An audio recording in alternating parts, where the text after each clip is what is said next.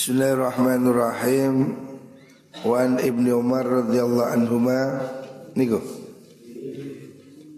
Wa Ibnu Umar lan den riwayataken saking Ibnu Umar radhiyallahu anhuma qala dawu sapa Ibnu Umar lamastadda semangsane dadi banget ketika sudah sangat ya. Apa bi Rasulillah? Kelawan Rasulullah sallallahu alaihi wasallam. Banget apa wajahu gerai kanjeng Nabi. Ketika kanjeng Nabi sudah sakit parah. Qila dan dawakan Kila dan dawakan lahu maring kanjeng Nabi. Fis ing dalam ngimami sholat. Ketika kanjeng Nabi gerah Sahabat ngaturi Nabi sholat. Nabi monggo sholat.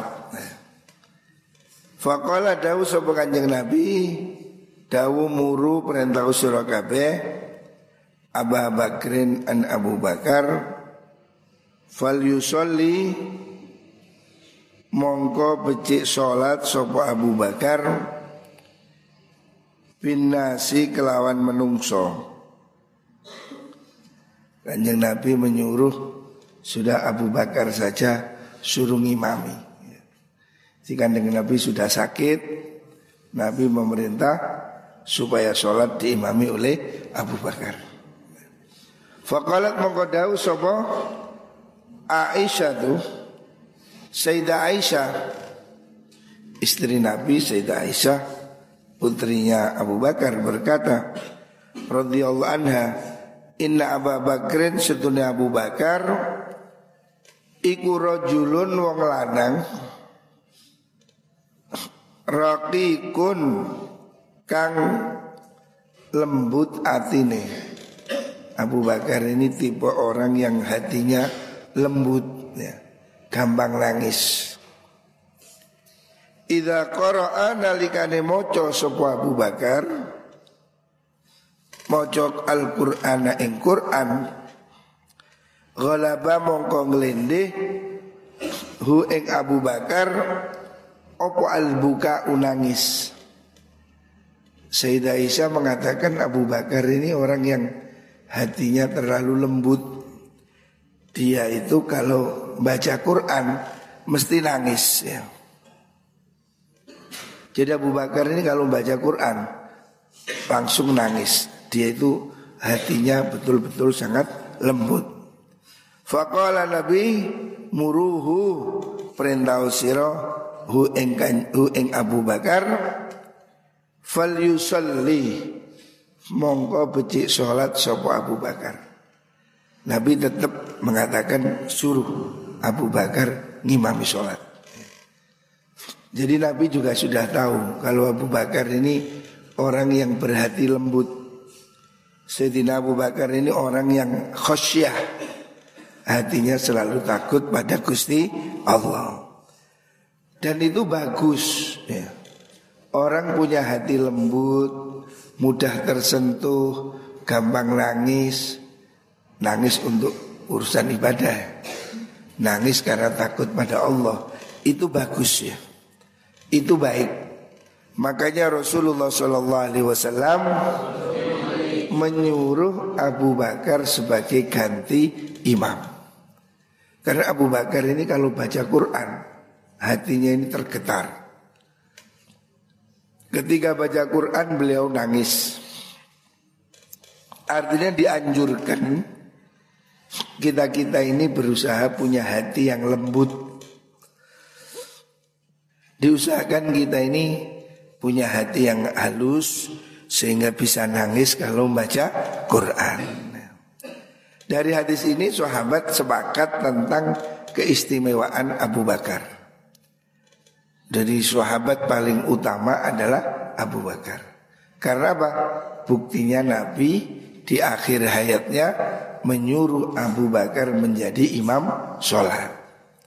Ada yang berpendapat yang lebih utama Sayyidina Ali. Tapi sahabat mengatakan mayoritas sahabat terbaik adalah sahabat Abu Bakar. Karena beliau yang ditunjuk oleh Nabi sebagai imam sholat. Dan orangnya memang sangat khusyuk. Kalau baca Quran itu suaranya hampir tidak terdengar. Semua orang nangis. Wa riwayatin dalam riwayat Kang Leo edisi riwayat yang lain an Aisyah ta saking Sayyidah Aisyah radhiyallahu anha qalat dawu sapa Sayyidah Aisyah Kultu ngucap ingsun inna Abu Bakrin sedunia Abu Bakar Ida qama nalikane jumeneng sapa Abu Bakar maka maka ing dalam panggonan panjenengan lam yusmi mongko orang akan sapa Abu Bakar annasa ing menungso minal buka isanging arai nangis. Muttafaqun alaih hadis sahih muttafaqun alaih. Sayyidah Aisyah mengatakan kalau Abu Bakar ini ngimami sholat Orang-orang tidak dengar bacaannya Sebab semuanya nangis Abu Bakar kalau baca Quran Itu tergetar Hatinya khosyah sehingga beliau itu nangis dan orang-orang itu ya paling nangis kabeh. Sehingga tidak terdengar jelas bacaannya itu. Karena beliau selalu nangis ya. Nah ini keistimewaan Abu Bakar. Orang yang hatinya penuh khosyah, hatinya lembut sehingga kalau baca Al-Qur'an selalu menangis. Ya. Lah kita-kita ini yang tidak bisa nangis ini ya harus berusaha untuk menangis. Ya walaupun tidak setiap hari. Usahakanlah mengerti makna Al-Quran. Supaya kita bisa ternyuh menangis tadabur ketika baca Quran. Wan Ibrahim bin Abdurrahman bin Auf dan riwayatakan saking Ibrahim bin Abdurrahman bin Auf Anna Abdurrahman bin Auf setunya sahabat Abdurrahman bin Auf radhiyallahu an. Sahabat Abdurrahman ini termasuk satu dari delapan orang yang as-sabiqun al-awwalun. Orang-orang pendahulu masuk agama Islam. Dia masuk Islam setelah Abu Bakar. Dan dia termasuk satu dari delapan orang yang dijamin masuk surga. Jadi Abdurrahman ini sosok sahabat yang hebat. Dia ini konglomerat kaya raya tapi ahli surga. Sehingga beliau ini menjadi salah satu tokoh yang sangat dihormati. Dia ini tidak bisa miskin. Abdurrahman bin Auf ini orangnya sangat dermawan, sangat loman. Tapi hartanya nggak habis-habis. Waktu hijrah ke Madinah, dia dari Mekah hartanya ditinggal. Di Medina nggak punya apa-apa. Oleh sahabat yang di Medina dikasih uang nggak mau. Dia nggak mau dibantu. Dia nggak mau minta-minta. Dia minta tunjukkan pasar, di mana ada pasar. Akhirnya dia Abdurrahman punya ide yang cerdas, bikin kapling-kapling pasar, bikin lapak-lapak. Jadi orang bikin ide pasar itu ya Abdurrahman bin Auf. Sehingga dia itu kaya raya dan dia tidak pernah miskin, kepingin miskin. Abdurrahman bin Auf itu sampai pernah kepingin miskin. Sebab dia pernah mendengar Rasulullah SAW mengatakan orang-orang kaya itu besok telat masuk surga karena hisapnya lama. Maka Abdurrahman bin Auf ini pernah kepingin miskin, semua hartanya disodakohkan, tapi tetap kaya lagi, tidak bisa miskin. Beliau itu kalau sodakoh tidak terhitung. Pernah sodako 700 kafilah onta penuh dagangan sodakokan semua. Jadi dia itu tidak bisa miskin. Kepingin miskin, tidak bisa miskin. Memang dia ditakdir jadi orang kaya. Kaya tapi masuk surga. Ini gelorek. Sing penak sing ngeten iki. Ya. Melarat masuk surga ya ya penak tapi ya ya melarat gak penak. Sing enak iso suki mlebu swarga. Amin Allahumma amin. Ya melarat kayak dunia wis melarat swarga durung mesti. Waduh. Sing penehi oleh swarga niku mesti suge lah niku. Contohnya sahabat Abdurrahman bin Auf. Dan kaya itu bukan jelek. Sahabat Nabi yang dijamin masuk surga itu kaya-kaya ternyata. Yang tidak kaya cuma sedikit, Sayyidina Ali yang tidak kaya. Lainnya kaya, Abu Bakar kaya, Utsman kaya. Ya. Kaya-kaya, Sayyidina Umar kaya. Abdurrahman bin Auf konglomerat. Jadi kaya itu bagus. Kalau dia ahli ibadah. Abdurrahman bin Auf orang kaya dijamin masuk surga. Bahkan Sayyidah Aisyah pernah mengatakan Abdurrahman bin Auf itu masuk surga tinggal merangkak. Maksudnya bukan berarti merangkak itu susah. Saking cedeil, gade melaku, langsung peluk. Surga di depan mata itu. Tapi dia itu ahli ibadah, ahli puasa. Utia dan maringi sopa Abdurrahman Bita amin kalan panganan Wa kana lan ono sapa Abdurrahman iku iman wong kang poso Suatu saat Abdurrahman bin Auf diberi suguhan makanan dan dia saat itu sedang puasa. Faqala maqadawu sapa Abdurrahman kutila dan bateni sapa Mus'ab bin Umair sahabat Mus'ab bin Umair radhiyallahu an wa huwa hale utawi Mus'ab iku khairun luwe bagus minni timbang ingsun. Falam yujan mongko ora den temu lahu kedue Umair. Apa ma perkara? Yukafanu kang den kafani sapa Mus'ab fihi ing dalam kafan. Illa burdatan angin ing kemulure in ya lamun den tutup biha kelan mengkono burdah apa suhu sirai mengkono Mus'ab. Badat mongko pertelo apa rijlahu sikil lurune Mus'ab. Wa in utiala wa in utiala mun den tutupi pihak lan mengkono burdah apa rijalahu sikil lurune mus'ab. Bada mongko pertelo apa rok suhu sirai mus'ab wa arahu lan ningali ingsun hu ing mengkono mus'ab ini tawaduknya sahabat ya.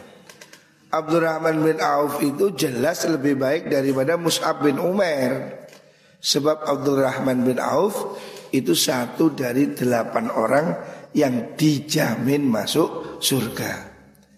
Tetapi toh begitu Abdurrahman bin Auf ini tawaduk luar biasa. Dia mengatakan waktu suatu saat dia sedang puasa diberi makan, dia itu nangis. Ingat sahabatnya yang bernama Mus'ab bin Umar. Mus'ab bin Umar ini pemuda yang dulu di, di Mekah dia anak orang kaya. Hijrah bersama Rasulullah Wasallam. Ikut hijrah ke Madinah dan miskin.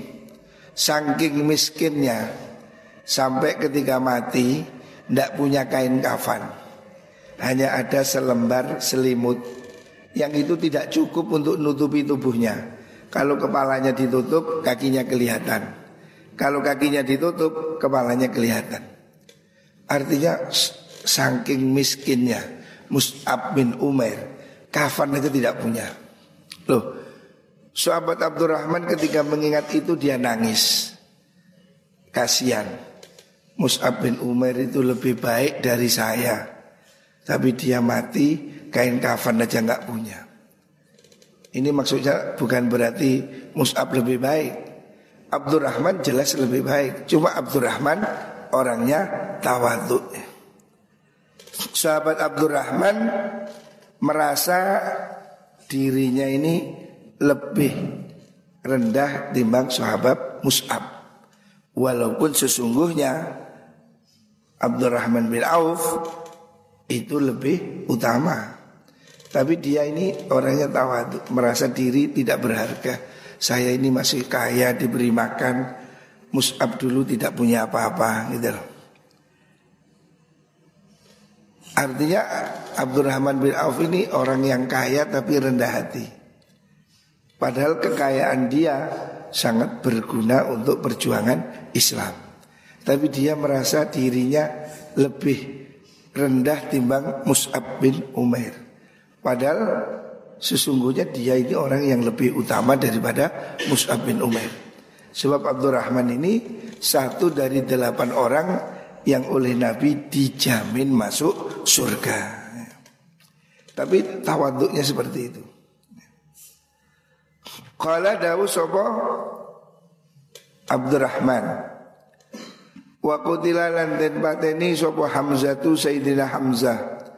Wa wa Hamzah iku khairun lebih bagus minni sangi ingsun. Thumma busita nuli den jembaraken. Lana maring ingsun minat dunya sangi dunya. Apa ma perkara busita kang den jembaraken apa ma? Au qala utawa mengkono Abdurrahman. Uktina den baringi ingsun Den baringi minat dunia saking dunya Ma ing perkara uktina kang den baringi sapa ingsun. Waqat khasina lan temen ingsun. Anakuna ing yen to Antakuna ing yen to ana. Apa hasanatuna? Pira-pira kebagusan ingsun Iku ujilat den gigi Dipercepat. Lana maring ingsun summa ja'ala nuli tumandang mengkono Mus'ab eh sapa mengkono Abdurrahman. Iku yapki nangis sapa Abdurrahman. Hatta taroka sehingga ninggal sapa Abdurrahman atau ama ing panganan. Rawahul Bukhari hadis riwayat Imam Bukhari. Jadi betapa tawaduknya sahabat Abdurrahman bin Auf. Padahal dia itu salah satu dari orang yang dijamin masuk surga ya. Termasuk sahabat yang istimewa Ashabiqun al-awwalun. Tetapi sahabat Abdurrahman Dia itu merasa dirinya tidak lebih baik dari sahabat Mus'ab bin Umair. Merasa dirinya tidak lebih baik dari Hamzah. Jadi sahabat Abdurrahman merasa dirinya paling jelek. Merasa dirinya paling akhir masuk surga Hamzah lebih baik dari saya Mus'ab lebih baik dari saya. Padahal tidak. Padahal Abdurrahman ini orang yang sudah dijamin masuk surga. Tapi dia itu tawaduk ya Merasa dirinya bukan yang terbaik. Merasa dirinya itu masih di belakang yang lain. Loh ini loh sikapnya sahabat ya tawaduknya sahabat. Padahal dia ini orang yang istimewa. Dan sahabat Abdurrahman walaupun dia kaya, dia itu zuhud, nggak mau enak-enakan makan. Sampai di sini diriwayatkan beliau puasa mau makan. Ingat sahabatnya yang sudah meninggal nggak jadi makan, nangis, nangis nggak jadi makan. Jadi dia ini kaya tapi zuhud. Kalau orang miskin zuhud ya biasanya miskin. Ini hebatnya apa? Kaya tapi zuhud. Beliau itu konglomerat. Hartanya luar biasa. Termasuk sahabat yang paling kaya. Tetapi dia tidak kehilangan sifat sederhana. Tawadu, rendah hati ya. Muka-muka kita-kita ini diberi rezeki seperti Abdurrahman bin Auf.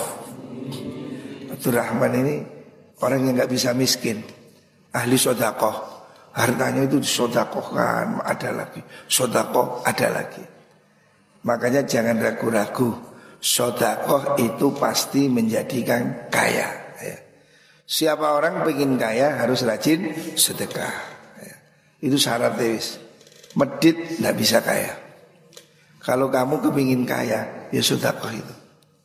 Sodakoh tidak harus menunggu kaya. Pokoknya amalkan itu. Solawat, istighfar, ya, sodakoh. Nah, SIS. Solawat, istighfar, sodakoh. Ini sangat berarti. Kalau kamu solawatnya cukup, istighfarnya cukup, sodakohnya cukup, insya Allah. Sudah banyak contoh ya, banyak sekali. Asal kamu mau sodakoh, kamu pasti kaya. Ojo medit-medit, ya, sodakoh. Sodako cilik-cilik ini saya omplong ini. Ini omplong lazis. Sodako seribu per hari. Ya. Walaupun seribu, sing penting sodako. Ya. Jangan pelit-pelit. Orang sodako tidak akan jadi miskin. Semakin rajin sodako, rezeki semakin tambah. Wa an Abi Umamah lan diriwayatkan saking Abu Umamah Sudai bin Ajlan Al-Bahili radhiyallahu anhu.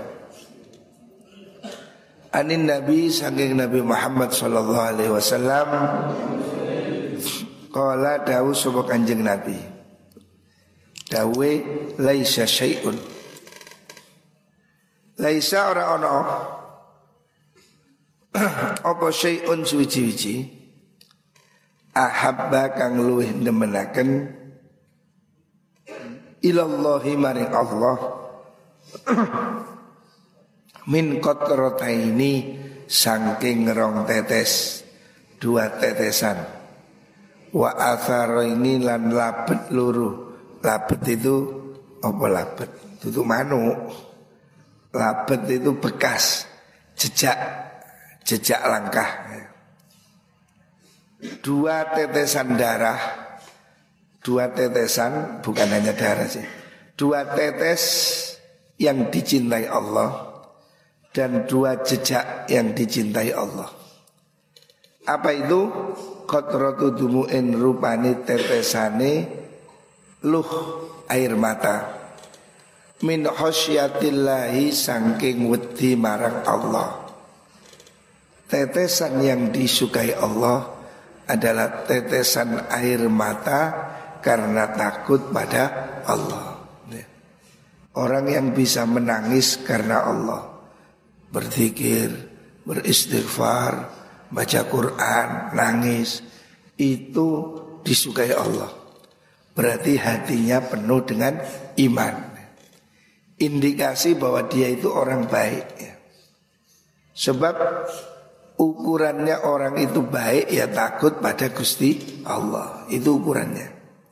Jadi kalau ada orang bisa nangis, baca Quran nangis, zikir nangis, ya. nangisnya bukan karena apa, memang takut karena Gusti Allah. Ya.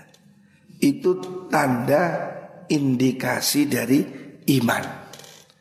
Indikator dari iman yang kuat ketika orang itu mudah nangis karena Allah. Khosyah, baca Quran, zikir, nangis. Ya.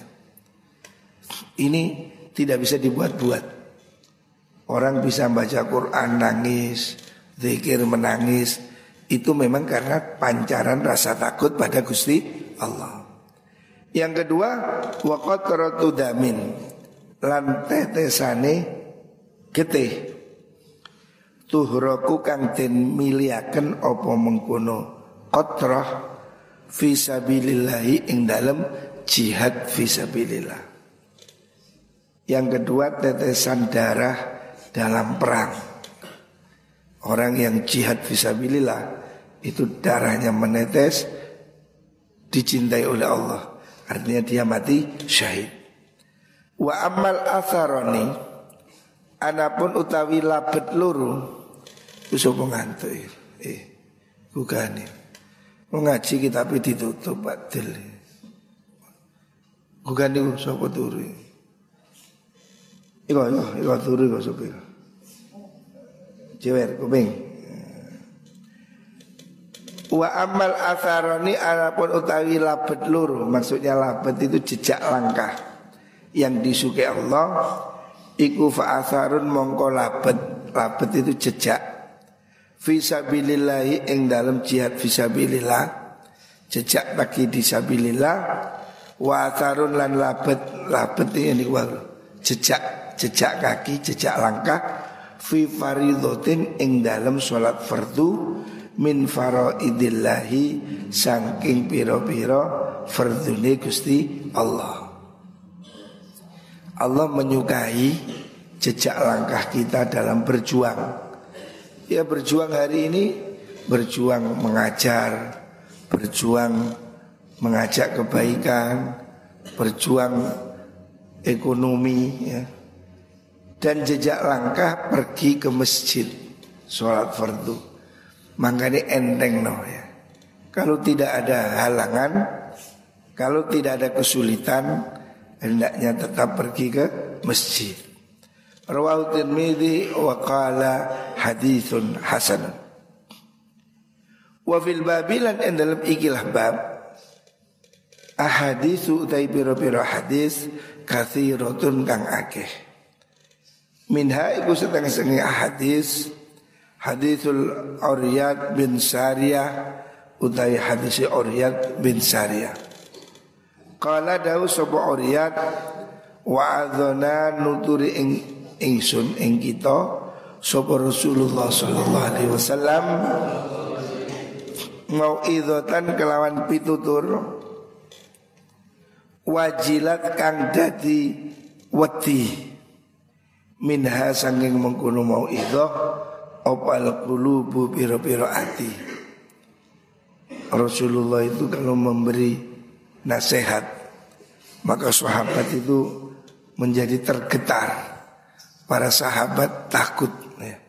karena betul-betul mendengar apa yang diucapkan oleh kanjeng Nabi wadarafat lan mili mengalir air mata minha saking mengkuno mau ilah apa al uyunu piro-piro peninggal meripat. Sahabat Nabi kalau dengar mau itu itu nangis. Memang hatinya lembut ya.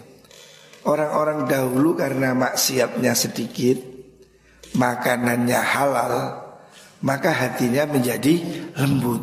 Ya. Sekarang ini orang semakin sulit menangis, semakin keras hati, Sebab apa? Sebab makanannya tidak halal. Yang pertama berpengaruh itu makanan. Orang kalau makanannya tidak halal, hatinya keras. Ya. Siapa orang makanannya haram, hatinya menjadi beku. Yang kedua, orang itu supaya hatinya lembut, ya, tidak banyak dosa. Orang kalau dosanya sedikit, hatinya menjadi lembut. Ya. Sebab hatinya itu lemes. Tapi hati yang terus kotor, dosa, dosa, dosa, akhirnya hatinya menjadi keras. Makanya hati kita ini harus kita lembutkan. Dengan apa? Dengan memperbanyak bacaan istighfar. Astagfirullahaladzim. Perbanyak pada sholat ya. Malam hari. Makanya iso sholat jamaah. Setelah jamaah jangan pergi. Setelah jamaah usahakan duduk membaca istighfar. Zikir la ilaha illallah. Baca sholawat. Baca hasbunallah wa ni'mal wakil. Waqat sabaqalan teman wis fi babil apa hadis? Fi babil bidai ing dalam bab nyegah bid'ah. Maksudnya Hadis ini sudah disebutkan di halaman sebelumnya. Bab bid'ah. Hadis nomor 157 Intinya Rasulullah Shallallahu Alaihi Wasallam mengajarkan memberi contoh agar kita ini mempunyai hati yang lembut, khosyah, selalu takut pada Gusti Allah takut pada Allah dengan memperbanyak zikir, bacaan Quran, ngurangi maksiat ya. Supaya hati kita jadi lembut. Wong hati ini lembut gampang dituturi, diomongi gampang. Salah satunya ya faktor makanan yang halal. Kalau makanan kita halal, insya Allah hatinya jadi lembut. Tapi kalau sudah makanannya haram Dalam kitab wasiatul Mustafa disebutkan Kalau orang itu makanannya haram Ya dia menjadi hijab Jadi tutup Hatinya jadi keras Muka-muka semua diberi hati yang takut pada Allah. Semoga semuanya diampuni Allah subhanahu wa ta'ala. Amin Allahumma amin